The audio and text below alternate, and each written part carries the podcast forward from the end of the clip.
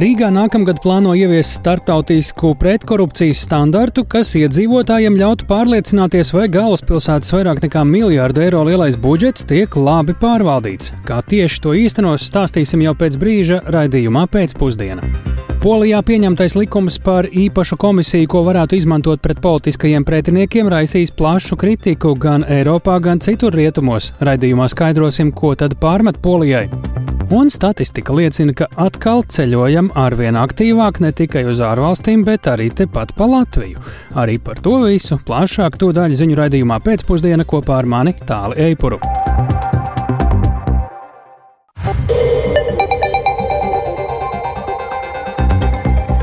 Ir 16,5 minūtes, skan Latvijas radio viens pēcpusdienas ziņu programma, skaidrojot šodien svarīgus notikumus. Studijā Tālis Eipurs.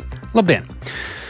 Ukrainā pēc Kāhovkas hidroelektrostacijas dāmbju uzspridzināšanas šobrīd turpinās evakuācija Helsonas apgabalā. Par jaunāko šajā traģēdijā sazinājāmies ar Latvijas radio korespondentu Ukrainā Indru Sprānci, un lūk, viņas vēstījums. Jā, Hersons apgabalā joprojām turpinās palīdzības sniegšana aplūdušo teritoriju iedzīvotājiem. Uz vietas ir sabraukuši visdažādāko dienestu speciālisti, kas mēģina gan palīdzēt iedzīvotājiem, gan arī pēc iespējas mazināt riskus, kas šobrīd izveidojušies milzīgo aplūdušo teritoriju dēļ. Un kā šodien pēcpusdienā preses konferencē raksturoja Hersons apgabala padomas vadītāja pirmais vietnieks Jurijs Soboļevskis, visa Ukraina šobrīd ir kopā ar Hersoniešiem jauniešiem, lai palīdzētu viņiem. Un kopumā šodien uz rīta pusi palīdzība bija sniegta vairāk nekā 1400 cilvēkiem, no kuriem daļa pēc pārvešanas palikusi Hersonā, daļa dodas tālāk uz drošākām vietām, taču vēl joprojām evakuācija turpinās, lai arī šobrīd jau lūgumi pēc palīdzības sāka samazināties. Un uh, pašreizējās aplēses liecina, ka aplūduši vismaz 24 ciemi, bet uh, kopumā plūdiem pakļaut iekļautas varētu būt aptuveni 80 apdzīvotas vietas, nu, kur apmēram mituši ap 40 tūkstošiem cilvēku. Liela problēma ir, ka liela daļa aplūstošās teritorijas atrodas Krievijas kontrolētajā Ukrainas daļā, kur vismaz, kā stāsta hersonieši, šobrīd tur dzīvojošie iedzīvotāji nokļuvuši patiešām ārkārtīgi sarežģītos apstākļos. Uh, lūk, Hersonas apgabala padomas pārstāvja Jurijas Obaļevska teiktais, kā Krievijas armijas pārstāvi likuši šķēršļus palīdzības sniegšanai aplūdušo kreisā krasta ciemu iedzīvotājiem. Paklausīsimies fragmentiņu. Viņi zavažālēja par šo працювати навіть волонтерам, які ще залишились там. Viņi liedza strādāt brīvprātīgajiem, kas tur vēl bija, un cilvēkiem, kas gribēja palīdzēt saviem kaimiņiem. Mūsu rīcībā ir informācija, ka situācija ir ļoti smaga. No Krievijas militāra personu puses bija mēģinājumi izspiest naudu par to, lai cilvēki ar laivām drīkstētu doties palīdzēt aplūdušo namu iemītniekiem un nocelt cilvēkus no jumtiem. Diemžēl situācija tur ir ļoti smaga un, lai palīdzētu mūsu cilvēkiem, šobrīd ir pieņemts lēmums iesaistīt starptautiskās organizācijas, lai tās izdarītu spiedienu uz Krievijas federāciju, lai tā atļautu tur darboties starptautiskajām organizācijām, kas varētu palīdzēt šiem cilvēkiem. Nu jā, šāds ir Ukraiņu puses stāstījums par situāciju Ņepras kreisajā krastā, kas atrodas Krievijas armijas kontrolē, par sarežģīto situāciju. Piemēram, Oleški ciemā un citviet ziņo arī virknē citu mēdīju, kuriem ir bijusi iespēja sazināties ar tur esošajiem iedzīvotājiem. Hersons apgabala padomas pārstāvs gan sacīja, ka arī sakar tur brīžiem trūkst un tādu pilnīgu ainu par tur esošo situāciju šobrīd viņiem nav zināma. Indra vai Hersona, kā tu teiktu, šobrīd tiek galā ar palīdzības sniegšanu? Nu, kā viņi paši saka, situācija ir ļoti sarežģīta un veidojas tāda kā humanitārā krīze, bet visi dienesti darot visu iespējamo, lai palīdzētu. Šobrīd ir sarežģīti, jo sāk aptrūkt ūdens, taču lielu atbalstu sniedz apkārtējie apgabali, un uz šo brīdi nu, tās vajadzības, kas ir, tiek apmierināts, bet Viņi norāda, ka situācija patiešām ir ļoti sarežģīta. Notikumiem rokas pulsi tur arī prezidenta administrācijas vietas atrodas atbildīgais ministrs un patiešām visi ir iesaistījušies, lai palīdzētu un, un, un pagaidām tās primārās vajadzības tiekot apmierinātas uz vietas. Un, un šobrīd arī nav skaidrs, cik ilgi šī krīzes situācija turpināsies un kāda aina pavērsies pēc tam, kad ūdens līmenis no dāmpja aizsprost būs aizplūdis un var teikt, ka izlīdzinājies. Jā, un šobrīd kā tad izskatās, cik varētu būt tādu apdzīvotu vietu vai teritoriju, kas vai nu turpmāk pilnībā būs zem ūdens, vai arī ilgu laiku varētu būt zem ūdens? Nu, Hersonieši pas, paši saka, ka ir dažādi scenāriji. Labvēlīgā scenārija gadījumā viņi cer, ļoti cer, ka tas varētu piepildīties, ka pilnīgi zem ūdens nepaliks neviena no šobrīd aplūdušajām tātad apdzīvotajām vietām. Taču tāpat ir skaidrs, ka sekas ir milzīgas un, un, un daudz viet neatgriezeniskas, un daudz viet arī tādas, kuras vēl šobrīd ir grūti aptvert. Aiz Dāmbja rezervāts caur kanāliem nodrošināja ūdens padevi milzīgām platībām kam tagad uh, draud sausums, savukārt aplūdušas ir uh, liels teritorijas, tajā skaitā arī vairāki dabas parki un, un par cilvēku mājām un ciemiem uh, nodarītiem postījumiem nemaz nerunājot. Un uh, milzīgas problēmas uh, jau sagādā un varētu sagādāt arī piesārņojums, kas uh, nonācis ūdenī, dažādām vielām tur nonākot. Tāpat uh, plūdi varētu būt pārvietojuši milzīgu skaitu sprādzienu bīstamu priekšmetu. Un, uh, kā viņš šodien arī stāstīja preses konferencē, tad jau šobrīd Hersonā ir ieradušies speciālisti, tātad atmīnēšanas jums pārstāvji papildspēki no visas Ukrainas, kas ir sabraukuši un mēģinās strādāt uh, uz vietas, uh, lai saglabātu šīs kaut kādas drošās saliņas šajā apgabalā. Ļoti liela neskaidrība arī ar to, kā aplūdušās teritorijas ietekmēs uh, gruntsūdeņu līmeni visā apgabalā. Un, līdz ar to jau šobrīd tiek prognozēts, ka varētu veidoties milzīgas problēmas ar dzeramā ūdens pieejamību. Tā Indras Prānce, Latvijas radio korespondenta Ukrainā, nu, ņemot vērā, ka sprādzienā Ukrainā Helsons apgabalā Esošā Kahovkas hidroelektrostācija ir daļai iznīcināta. Latvijas ārlietu ministrija gatavo rīkojumu projektu par 200 tūkstošu eiro piešķiršanu Ukrainai radīto plūdu seku likvidēšanai. Tā mikroblogošanas vietnē Twitter paveistīs ārlietu ministrs Edgars Rinkēvičs. Tikmēr aug bāžas par draudiem demokrātijai Ukrainas kaimiņu valstī esošajā Polijā. Kārtējo pārkāpumu procedūru pret Poliju ir sākusi Eiropas komisija. Šoreiz tas noticis par jaunu Polijas likumu, kas paredz izveidot īpašu komisiju, lai izmeklētu Krievijas ietekmi valstī. Polijas opozīcijas un arī starptautiskais satraukums ir par to, kā valdošā partija likums un taisnīgums šo likumu varētu izmantot pret politiskajiem pretiniekiem. Likumu kritizējusi ne tikai Eiropas Savienība, bet arī Polijas strateģiskā partnere ASV. Plašāk Ulda Ķēzbera ierakstā. Eiropas komisijas viceprezidents Valdis Dombrovskis šodien paziņoja, ka komisija ceturtdien nosūtīs Varšavai formālu vēstuli, kurā informēs par lēmumu uzsākt pārkāpuma procedūru pret Poliju saistībā ar jaunveidojamo komisiju, kuras mērķis būs izmeklēt iespējamo Krievijas ietekmi valstī laikā no 2007. līdz 2022. gadam. Šādas komisijas izveidi paredz pagājušajā nedēļā Polijas parlamentā Seimā apstiprinātais un Polijas prezidenta Andžija Dudas parakstītais likums. Saskaņā ar to personām, kuras kuras atzīs par vainīgām sadarbībā ar Krieviju, draudēs aizliegums desmit gadus ieņemt amatus, kas ir saistīti ar valsts finansēm un klasificētiem dokumentiem. Likumu ierosināja Polijā valdošā Nacionāla konservatīvā partija Likums un taisnīgums, kas uzstāja, ka šāda izmeklēšanas komisija ir nepieciešama, lai stiprinātu valsts vienotību un iekšējo drošību laikā, kad Krievija izvērš pilna apmēra karu Ukrainā. Komisijas izveidi stingri atbalsta arī Polijas prezidents Andrzejs Duda, kurš paziņoja, ka šādu likumu vajadzēja pieņemt daudz agrāk. Żałuję, że jest ona dopiero teraz i że jest możliwe w związku z tym mówienie, że ona została. Man žēl, ka komisiju izveidos tikai tagad, un ka opozīcija var teikt, ka tā tika izveidota priekšvēlēšanu kampaņas vajadzībām. Taču ir labi, ka to izveidos, un tā ir jāsāk darboties pēc iespējas ātrāk, jo tās darbība novērsīs Krievijas ietekmes tālāku izplatīšanos mūsu valstī w naszym kraju. Likuma kritiķi uzskata, ka šādas komisijas izveide tikai dažus mēnešus pirms rudenī paredzētajām Seima vēlēšanām ir uzskatāma par valdības mēģinājumu vērsties pret lielāko opozīcijas partiju pilsoniskā platforma un tās līderi bijušo Polijas premjerministru un Eiropas komisijas prezidentu Donaldu Tusku. Pilsoniskās platformas politiķi šo likumu ir iesaukuši par Tuska likumu.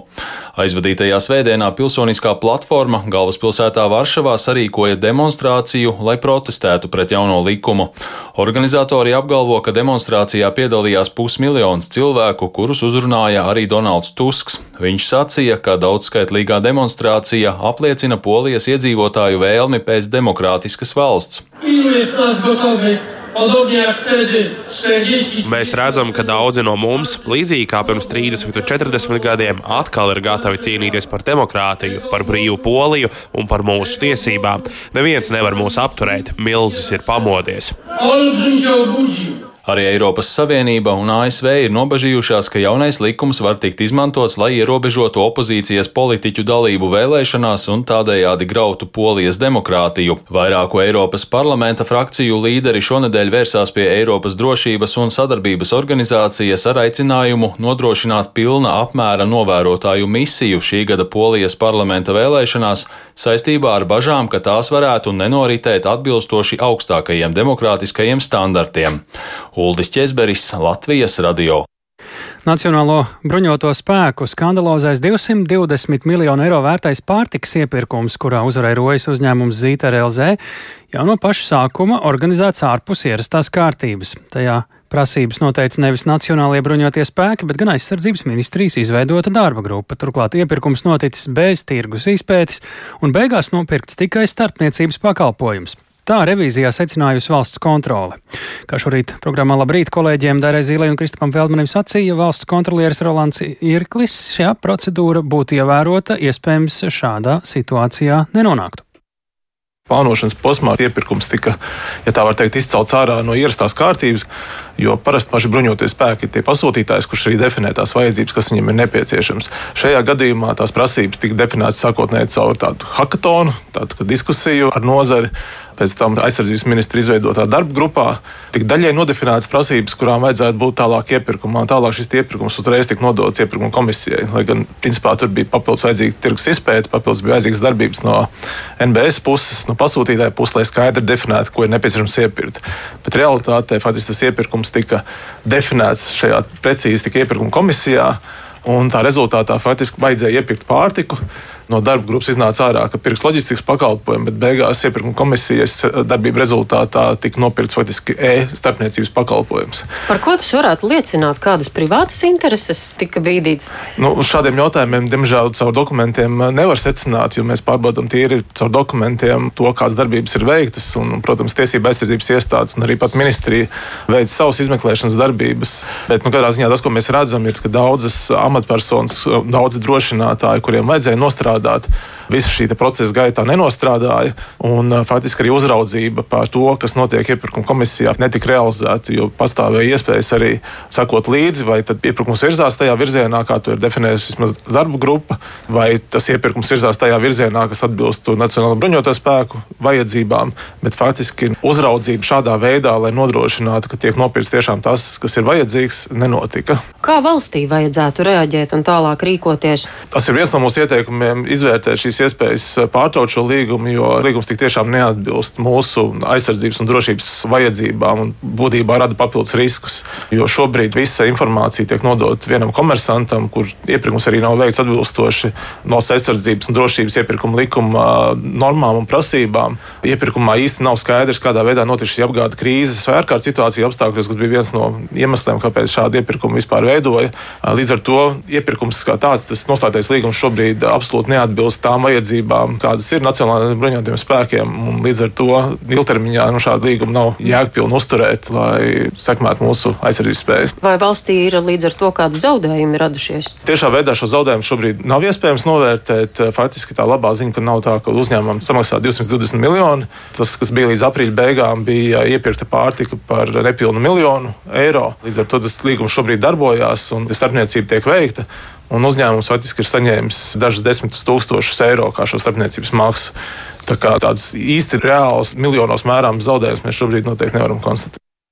Tā valsts kontrolieris Rolands Irklis, un jā, tieši šodien, sekojot eh, šiem valsts kontrolas secinājumiem, aizsardzības ministrija paziņoja, ka ir vienojusies par armijas pārtiks apgādes līguma pirmstermiņa izbeigšanu ar uzņēmumu Zītarzē LZ, un aizsardzības eh, ministrijas dienestā pārbaudas eh, secinājumi arī sakrītot ar valsts kontrolas konstatēto, ka iepirkumā izvēlētais pārtiks piegādes pakalpojums neatbilst iepirkuma mērķim. Ministrija pat labāk pilnveido iepirkuma uzraudzības sistēmu un izvērtē visu ar iepirkumu saistīto amatpersonu atbildību un pārkāpumus. Šim tematam šodien līdz sekojas arī kolēģis Sintīja Ambota. Labdien, Sintīja! Kāda tad būs aizsardzības ministrijas turpmākā rīcība attiecībā uz šo centralizēto pārtiks iepirkumu? Aizsardzības ministra Ināra Mūrniec no Nacionālās apvienības šodien informēja, ka šobrīd ir panākta šī vienošanās ar uzņēmumu Zīt arī LZ par līguma izbēgšanu 31. decembrī, un līguma laušanas dēļ valsts nekādus finansiālus zaudējumus necietīs, jo komersants neizvirzīs nekādas pretenzijas pret ministriju.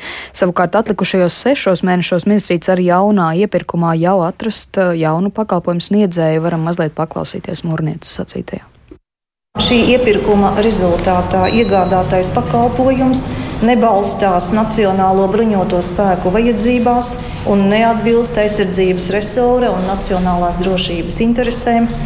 Diemžēl pretendentiem tika izvirzītas nu, minimālas prasības, un netika noteiktas prasības par industriālo kapacitāti pārtikas piegādes realizēšanai, nu, respektīvi nevērtējot vai uzņēmējam ir un kā viņš nodrošinās nepieciešamās telpas, aprīkojumu, transportu. Personālu un citus resursus. Tāpat mēs dienesta pārbaudēs bijām secinājuši, ka plānotā iepirkuma summa pirmo reizi, diemžēl, norādīta iepirkuma noslēgumā, nu tad, kad iepirkuma komisija lēma par līguma slēgšanu ar iepirkuma procedūras uzvarētāju. Nu jā, šī līguma summa 220 miljoni tad noteikti balstoties uh, iepirkuma komisijas amatpersonas pieņēmumos. Sintī, vai ministrija šajā laikā ir arī veikusi kaut kādus pasākumus, lai novērstu tādus riskus iepirkumos? Um, ministrija norāda, ka ir ieviesusi jaunu kontrolas mehānismu, lai veiktu iepirkumu dokumentācijas sākotnējo pārbaudi iepirkumiem sākot no 3 miljonu eiro vērtībā. Tāpat tiks uh, piesaistīti drošības dienesti aizsardzības iepirkumu sistēmā un uh, pretendentu pārbaudēs. Uh, izvērtēt arī šo iepirkumu, ar šo iepirkumu saistīto amatpersonu atbildību un daļai piemēroti uh, disciplināri sodi. Vēl varam paklausīties ministrs teikto. No amata ir atbrīvotas divas amatpersonas. Viena ir no valsts aizsardzības, loģistikas un iepirkumu centra valits, un otra ir Nacionālo bruņoto spēku amatpersona. Piebildīšu vēlreiz, ka šīs abas amatpersonas pirms tam arī ir bijušas atstādinātas no amata. Jā, vienā daļā šis process ir noslēdzies, ir konkrēti piemēroti sodi, konkrēti piemērota disciplināra atbildība. Par citām amatpersonām šis process vēl iet uz priekšu. Um, nu jā, runājot uh, par to, kas uh, ir šīs amatpersonas, uh, tad ir atstādināts uh, iepirkuma komisijas vadītājs, nu jau bijušais Nacionālās apvienības biedrs Ēriks Ezeriņš un TV3 raidījumā nekā personīgi iepriekš ziņots, ka no Nacionālo bruņoto spēku aprindām atstādināts apgādes pārvaldes iepirkumu un līguma daļas priekšnieks Imants Freibergs. Pat laban vēl sešas disciplināra lietas ir procesā. Aizsardzības ministrija gan gaidot arī par šo martā sāktās knabi izmeklēšanas rezultātus. Uh, jāatgādina, ka iepirkums par uh, loģistikas pakalpojumiem pārtikas uh, piegādēji armijas vajadzībām sākts iepriekšējā aizsardzības ministra Arta Pabrika no Latvijas attīstībai laikā 21. gada oktobrī un tika noslēgts pērn 22. decembrī. Bijušais ministrs jebkādu saikni ar konkursu iepriekš noliedzis, tikmēr valsts kontrolas padomas locekla Kristīna Jaunzeme šodien medijiem norādīja, ka pat Labana ministrija uh, ierosinātajās dienesta pārbaudēs lielākoties koncentrējas uz iepirkumu iepirkumu komisiju, bet valsts kontrolas ieskatā vairāk jāvērtē arī pašas ministrijas atbildība. Piemēram, viena no diskusijām mums ar aizsardzības ministrijas kolēģiem bija par to, ka iepirkuma komisija taču ir neatkarīga un mēs nevaram neko darīt, iepirkuma komisija turpina savu darbu. Un, lai gan mums ir iknedēļas atskaites par visiem iepirkumiem, pat ja mēs redzētu, ka tur ir kaut kas neatbilstoši, tad uh, mēs nevaram neko darīt, jo iepirkuma komisija dara savu darbu. Un tad mēs varētu teikt, nu, ka tā ir tāda ļoti pārprasta iepirkuma komisijas neatkarība. Pasūtītājs ir Nacionālajie bruņotie spēki, kuriem vajag pārtiku miera un krīzes laikam. Un iepirkuma komisija nedrīkst pirkt kaut ko citu, nekā pasūtītājiem ir vajadzīgs. Un, ja mēs redzam, ka viņa pērk kaut ko citu, tad ir nu, ne tikai tiesības, bet pienākums pārtraukt šādu iepirkumu vai veikt kaut kādas korģējošas darbības. Nu jā, tikmēr šim neatbilstoši izvēlētajam uzņēmumam Zīta arī LZ mēnesī tiek no valsts maksāti ap 12 tūkstoši eiro par pakalpojumu. Kopumā Nacionālajie bruņoties spēki līdz eh, šim uzņēmumam samaksājuši aptuveni 30 tūkstošus eiro. Vienlaikus NBS štāba priekšnieks eh, ģenerālmajors Imants Ziediņš norāda, ka neatbilstošā iepirkuma dēļ armijas pārtiks apgāde apgādē pārāvumu nav un kvalitāte pat labi ir atbilstoša. Paldies, Sintijai Ambotei. Mēs turpinām arī par tādu kā kārtības ieviešanu uh, pārvaldē. Rīgā nākamajā gadā plāno ieviest starptautisku pretkorupcijas standartu, kas iedzīvotājiem ļautu pārliecināties, vai galvaspilsētā vairāk nekā miljārdu eiro lielais budžets tiek labi pārvaldīts. Lai šādu plānu īstenotu, pašvaldībai vēl ir jānovērš vairākas neatbilstības. Tādas ir konstatētas auditā. Kas tās ir par nepilnībām, par to ir gatavs pastāstīt kolēģis Viktors Demīdovs. Viņš šodien ir sekojis līdz domas atbildīgās komitejas sēdē. Lūdzu, Viktor! Sveicināti! Un, ņemot vērā jauno pašvaldību likumu, kas stājies spēkā no šī gada, doma ir jāizveido centrālā pārvalde, kas nodrošina domas un komiteju apkalpošanu un pilda citas pašvaldības funkcijas. Rīgā tas uzdevums gulstas uz centrālu administrāciju, kas ietver sevī daudzas nodaļas, piemēram, iepirkuma pārvaldi, juridisko pārvaldi un citas.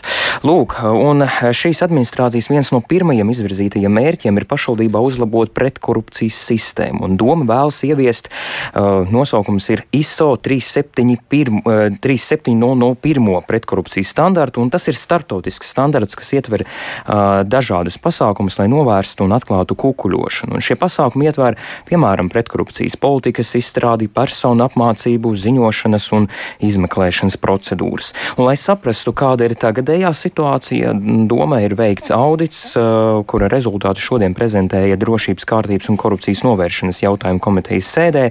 Un Tātad secināts, ka Rīgā pretkorupcijas sistēmā ir neatbilstības, piemēram, augsta kukuļošanas riska darījumos nav gūti apliecinājumi struktūrētai padziļinātai pretkukuļošanas uzticamības pārbaudēji un, respektīvi, tagadējie pasākumi klibo.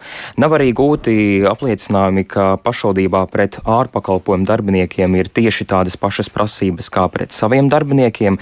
Nu, tātad pret uh, domas pārstāvjiem ir jābūt tādām pašām prasībām kā pret atkritumu izvedēju pretējiem.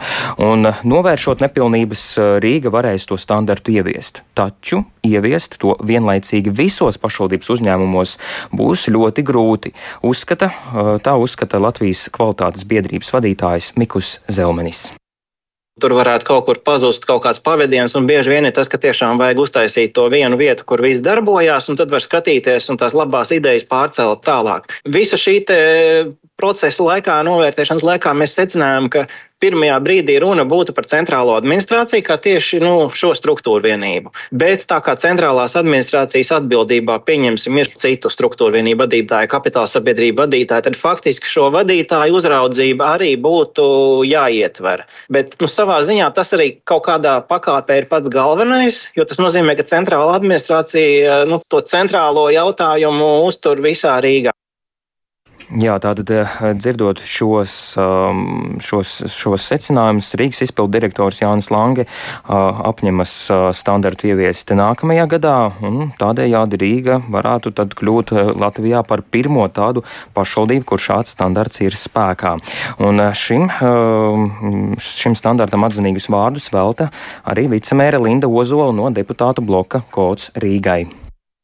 Daudz vietu un daudz kārt arī publiskajā telpā izskan jautājums par šo plaisu, kas veidojās starp iedzīvotājiem un varu, vai tā ir pašvaldības vara, vai tas ir nacionālais līmenis, tad nu, šis ir viens no soļiem. Tādi soļi, protams, ir daudz un dažādi, bet tomēr šis ir arī viens solis, kā stiprināt uzticību savai pašvaldībai no iedzīvotāju puses.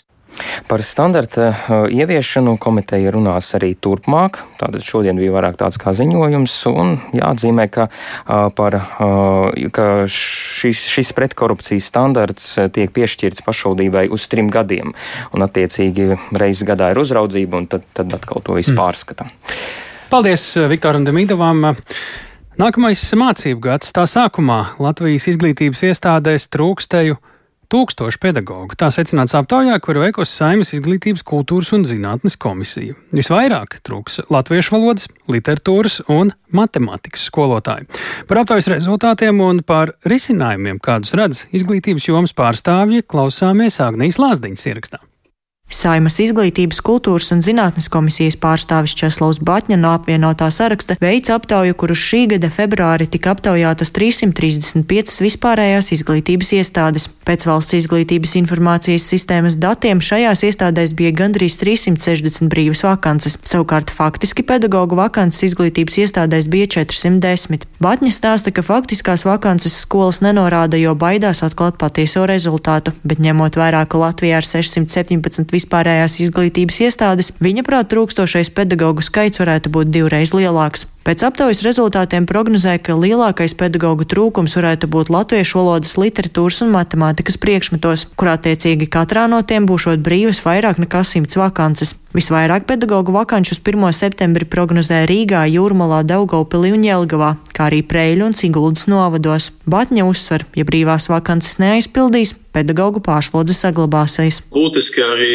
tomēr mums stiprināt atbalstu pedagogiem, veselības apdrošināšanu, sabiedriskais transports bet ļoti daudz akcentēja, ka pedagogiem lielu laiku paņem komunikācija ar vecākiem, ka ir nepieciešams tomēr kaut kāds normatīvais regulējums pedagogs vecāks skolēn, jo tas arī mazinās to skolotāju stresu komunikācijā vai ieliks robežas. Un starp citu ir ļoti būtiski arī mentoru nodrošināšana jauniem pedagogiem izglītības iestādēs, lai šis jaunais pedagogs saredz atbalstu no skolas. Ieteikumiem piekrīt arī Latvijas studentu apvienība, kas ir runājusi ar studentiem topošajiem pedagogiem, lai saprastu iemeslus, kāpēc studenti nevēlas strādāt par skolotājiem, skaidro Latvijas studentu apvienības prezidenta Liena Levada. Lielākā daļa strādā arī skolā paralēli savām studijām. Ļoti liela daļa strādā arī sākot no pirmā kursa, ko viņi arī paši norāda, ka tā ir liela problēma, jo ir slodze, tā ir augsta. Viņiem nav pietiekams atbalsts studiju laikā. Šī pārējai no studijām uz skolu ir nepieciešams pielāgoties. Jaunie pedagogi saskarās ar mobbingu no savu kolēģu puses skolā, no vecāko kolēģu puses, kas uzskata, tā viņi darīja vispareizāk un nedod Dievs kādu jaunu iniciatīvu. Ir pirmajos gados skolā pedagogi tiek pārslogoti un kā arī trūks atbalsta mentoringa sistēmas. Arī izglītības un zinātnes ministrija norāda, ka šī ir kompleksa problēma, ko nav vienkārši risināt, taču jau šobrīd tiek strādāts pie tā, lai jaunos pedagogus piesaistītu. Agnija Lazdiņa, Latvijas radio.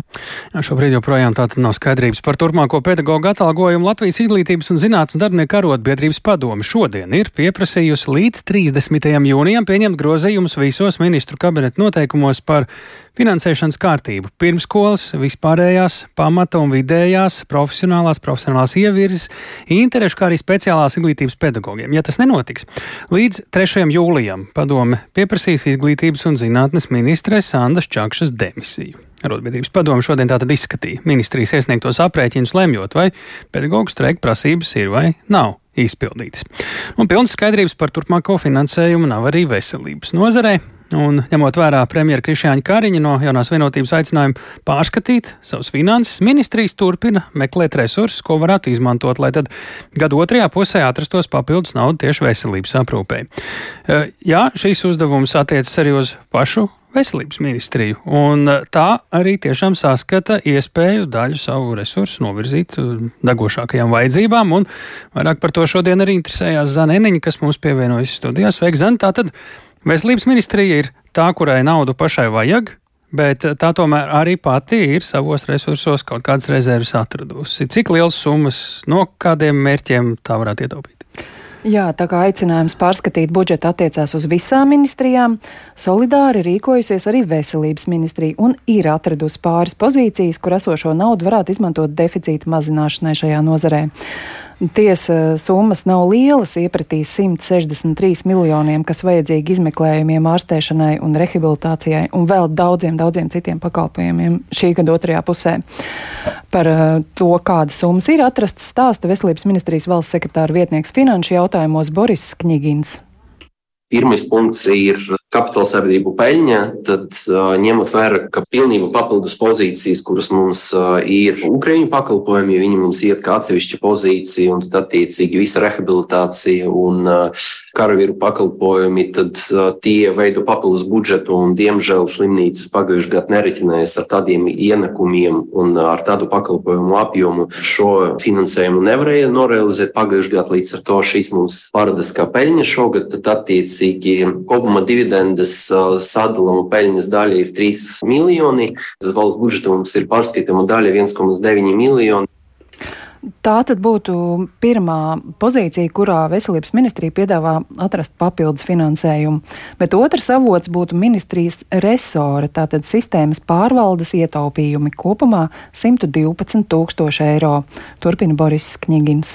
Tas ir veselības inspekcijas, taupības pasakumi un uh, slimību profilakses un kontrolas centrs 68,000, kopas 112,000.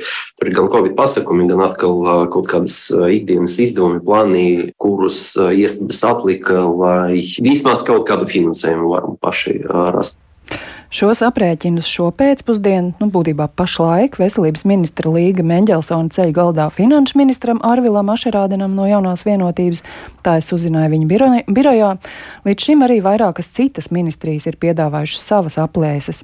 Un viskaļāk izskanējis kultūras ministrijas piedāvājums, jo tā sākumā domāja ietaupīt uz kino rēķina, bet vēlāk tomēr no naudas samazinājuma šai nozarei atteicās un atrada iespēju citādā veidā veselības aprūpē novirzīt 1,2 miljonus miljonus eiro. Visu ministriju piedāvājumus paredzētu uzklausīt un apkopot līdz 16. jūnijam, un tad būs redzams, cik daudz naudas ir izdevies atrast un vai un kādi papildus resursi vēl jāmeklē. Nu, un ko tad, ja nepietiek ar šo uh, visur salasīto naudu? Nu, veselības ministrija jau ir brīdinājusi, ka tādā gadījumā daudzi pamata pakalpojumi par valsts naudu vispār nebūs pieejami. Un nav runa par kaut kādām ekstrām vai īpaši smalkām operācijām, bet tiešām tādu ikdienas nepieciešamību analīzēm, laboratorijās, izmeklējumiem, dažādiem speciālistiem, rehabilitāciju bērniem un pieaugušajiem, zobārstniecību bērniem un tā tālāk. Un arī kompensējumām zālēm hronisku slimību pacientiem skan fundamentāli kritiski. Tā varētu to raksturot. Tas arī viss, Zani, ja? Paldies. Jā, vēl kāda piebilde? Nu, šobrīd viss, bet, nu, protams, arī nākamā gada budžetā ir jau jāsāk ielūkoties, jo arī tur noteikti trūks milzīgu summu. Tā kā tas jautājums nekādā ziņā nebeidz šodien. Paldies Zanēniņai. Tik tālu par veselības nozari, par izglītības nozari, bet no visām iepriekš raidījumā dzirdētajām rūpēm kādreiz vajag arī atvilkt telpu. Latvijas iedzīvotāji Ceļojumu skaits tepat pa Latviju pērn ir audzis par 12%, ja salīdzinām ar gadu iepriekš, un iedzīvotāji ir devušies 9,3 miljonos ceļojumu pa Latviju. Tā ziņo centrālā statistikas pārvalde. Divi no trim ceļojumiem ir ilguši e, vienu dienu. Nu, vairums tā. Tad tas ir mazāk nekā pirms pandēmijas, bet vairāk nekā 21. gadā. Vairāku dienu ceļojumu skaits bijis lielāks e, gan e, par gadu iepriekš, gan arī apsteidzis pirms pandēmijas laiku un tēriņu ziņā. Ja uz to paskatās, tad ceļojumos pa Latviju pērn esam šķīrušies no krietni lielākas naudas nekā 21. gadā. Kopā esam pagājušajā gadā iztērējuši 405 miljonus eiro, un tas ir par 35% vairāk nekā vēl gadu iepriekš. Galamērķu ziņā ceļojumi visbiežāk bijuši uz Rīgu, tā seko Jūrmāla, arī Ogres, Siguldas, Tukuma novads, bet ja pa reģioniem skatāmies, tad līderos ir Kurzeme, sako Vidzeme, Zemgali, tad Latgali. Nu, un mazinoties pandēmijas ierobežojumiem, pērn biežākais vairāku dienu braucienu iemesls bija bija radu un draugu apciemošana, un tikai tad sekoja atpūta, eh, kāda cita un vēl pārējie iemesli darbs, piemēram, un joprojām biežāk izmantotā naktsmītne ir radu vai draugu mājoklis, un kopš pandēmijas gan, jāsaka, krietni populārāk kļūst nakšņošana viesnīcās un līdzīgās mītnēs. Pie mūsu klausos Latvijas lauku turisma asociācijas lauku ceļotājs valdes priekšsērētāja Asnāte Ziemele. Labdien! Jā, sveicināti. Nu, šie bija skaitļi. Mēs pamēģināsim paskatīties uz būtību. Ko jūs redzat šajos skaitļos? Pandēmijas ierobežojuma beigas, inflācijas un energoresursu cenu kāpums, sākuma ārzemju ceļojumu sadārdzināšanos, varbūt vēl kaut ko citu. Jā, nu mēs um, ar uh, tuvākiem uh, uzņēmējiem, kas mani valdē, ātri pārunājām šos datus, uh, mums viņi vispār pārsteidz. Mēs gribētu redzēt to metodoloģiju, kā tas ir aprēķināts, un, un kur ir tiek uzskatīts par turistiem, un kuri vienkārši varbūt braucēji uz Rīgu no, no reģioniem un atpakaļ. Un, um, Līdz ar to mēs, to, ko mēs varam teikt, ka tie skaitļi mums liekas ļoti lieli un nepatiesi lieli. Um, Tas ir pārāk to, optimistiski. Ir jā, jā, jā, noteikti. Mums 22. gads pilnīgi noteikti bija daudz sliktāks nekā 20. un 21. gads, kad bija pandēmija, kad cilvēki tiešām palika Latvijā. To, ko mēs novērojam 22. gadā, un to mēs arī pārnājām savā kopsapulcē, kur nu, bija vairāk kā simts uzņēmēji kopā no dažādiem reģioniem. Un tad tā tendence bija, kad ir atgriežies dažādi pasākumi, un uh, kāzas, un ballītes, un svinības, un, un cilvēki mm, mazāk ceļoja, mazāk nakšņoja mm, ceļojumos, mēs novērojām, un uh, ļoti daudz izceļoja uz ārzemēm, kur mūsuprāt iztērēja savam, savām brīvdienām paredzēto naudu ļoti daudz ārzemēs, nevis Latvijā. Mums tas gads nebija labs. Es nevarētu piekrist. Nu, tad sanāk, ka te varbūt kurš ko uzskata par ceļošanu, vai Jā, tā ir aizbraukšana, precīzi, precīzi. Aizbraukšana komandējumā, tai skaitā eh, un, un līdzīgi, vai ne? Nu, komandējums vēl varbūt būtu ok, bet tie radi un draugi gan nav ok. Ja tos skaita iekšā turistos, tad nu, mēs gribam teikt, ka tas nu nav turisms, ja tu brauc pie Omītas ciemos. Mm -hmm. Šie skaitļi ir par iekšējo Latvijas turismu. Ko jūs redzat savā nozarē? Jūs raksturojāt tagad kopējo situāciju, bet tieši attiecībā uz ārvalstu viesu plūsmu Latvijā pērn mēs, cik atceramies, īpaši gada sākumā daudzi ārzemnieki bija iztrūkušies no mūsu relatīvā tuvuma Ukrainai, un viņiem jau arī tā tikšana līdz Latvijai ar visām ekonomiskajām pārmaiņām droši vien ir dārgāka kļuvusi. Nu, jā, tas bija, tas bija vēl viens iemesls, kāpēc tā statistika mums nebija laba. Un īpaši to, tiem, kam bija uh, vairāku nakšu, parasti tie nakšņotāji, tie ir ārzemnieki, kas paliek 5, 6 un, un pat 10 naktis, pat dažreiz vienā un tajā pašā vietā neceļojot, bet uh, tiešām īrē, īrējot vienu un to pašu mm, atpūtas māju. Uh, bet, um, uh, pagājušā gadā faktiski viņu nebija. Un tā skaitā arī maz bija lietuviešu un igauņu, kas acīm redzot arī bija nocietušies pēc ārzemju ceļojumiem vairāk kā, kā kaimiņu valsts apmeklējumu.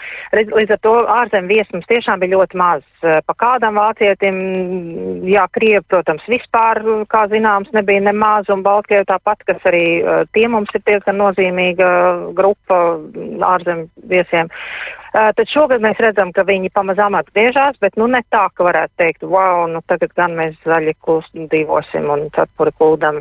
Pamazām, pamazām tie drosmīgākie, kas nav grupu turisti, kas ir individuāli, kas uh, plāno savus ceļojumus paši, tie, tie ir drosmīgākie, jo karš nekur nav beidzies un cilvēki varbūt ir apraduši, bet uh, noteikti tā, ka būtu uh, lielas ārvalstnieku masas uh, atgriežušās 19. gada līmenī, mēs nu, pilnīgi noteikti nevaram nevaram. Kā sācies tad ir šīs gads? Tas mēs vairāk it kā pievērsām uzmanību pagājušajam gadam. Šobrīd kā ir šīs gads sācies un kurp tas izskatās? Šobrīd vēd gan ar iekšējo turismu, gan arī ar ārvalstu viesiem. Jā, nu, kā jau minēju, kad uh, vietējais turists šogad mēs domājam, ka būs vairāk kā pagājušā gadā, jo tiešām cilvēki pagājušajā gadā ļoti daudz izbrauca ceļojumos uz ārvalstīm. Nu, beidzot varēja. Bet to, Jā, tieši tā, kad beidzot varēja. Un tās takas, kā saka, ir apnikušas jau iet uh, pa vienam vien. Un uh, šogad mēs redzam, tomēr, ka uh, cilvēki ļoti daudz uh, ceļo pa Latviju. Es domāju, ka būs daudz vairāk kā pagājuši gadu. Uh, ko mēs redzam, cilvēki ļoti taupa. Un ja vien ir iespējams par kaut ko nemaksāt, tad viņi nemaksā. Tas tā skaitā papildus uh, kādu pakalpojumi, ēdināšanu, pietaupa pašu ņemtām viesmaizēm vai, vai neņem, nezinu, pirti vai, vai vai laivu, vai, vai ko nu viņi ir parasti gribējuši vai varējuši atļauties, tad tagad tas budžets ir iet, um, nu, piezemētāks. Um, vēl ko es varu teikt, ir ļoti daudz pasākumu Latvijā, mūsuprāt, tie ir daudz par daudz pasākumu, ka mums nemaz nav tik daudz cilvēku, kas visus viņus var apmeklēt. Un, un, uh, tad, tas ir vēl viens novērojums, un pasākumi ir sarukuši skaitā. Nu, apjomā, ja tie kādreiz bija lieli pasākumi ar tūkstošu cilvēkiem, tad tagad varbūt tie ir simts vai drusku vairāk. Jā, tāpat arī kāzas ir daudz mazskaitlīgākas. Bet, uh, jā, bet, nu, tas arī ir turisms. Jā. Uh, un vēl pusminūtes laikā apmēram uh, tas, ka uh, ir augušas cenas ceļojumiem uz ārzemēm būtiski ar visām energoizmaksām un tam līdzīgi, tas neietekmē pozitīvi vietējo. Nu, es domāju, ka tas maciņš ir tik, cik viņš ir katram no mums, un tas tikai nozīmē, ka vietējiem ceļojumiem paliks mazāk uh, naudas pāri Tomēr. un aizbrauc. Nu, nu, cilvēks tik un tā kaut kur grib aizbraukt. Un arī Latvijā, jau, protams, ka nav lētāk, lētāk nekas nav palicis. Bet mēs piemēram, skatījāmies pērnaus cenas vakar ģimenei 800 eiro par nakti. Un, un, nu, tas tā, tās cenas tiešām ir ļoti, ļoti liels. Un, mm. nu, tas, protams, mums dod cerību, ka varbūt paliks vairāk Latvijā. Varbūt, bet es Pal tādu piesardzīgi optimistiski. Paldies par sarunu asnātais Ziemeļā Latvijas lauku turisma asociācijas lauku ceļotājs valdes priekšsērētājai. Šis bija Trešdienas ziņu raidījums pēcpusdiena. To veidoja Tāls Eipūrs, Ilza Agīnta, Renārs Šteimanis, Mārtiņš Paeglis. Šis ir raidījums, ko var dzirdēt katru darbu dienu pēc ziņām 4 un 5, un ko varat klausīties arī Latvijas radio mobilajā lietotnē un raidierakstu platformās arī pēc tam, kad tas ir izskanējis. Vai nu, ja pašiem kaut kas jādzird, vai nu, ja gribat padalīties ar kādu citu. Mēs sakām līdz rītam!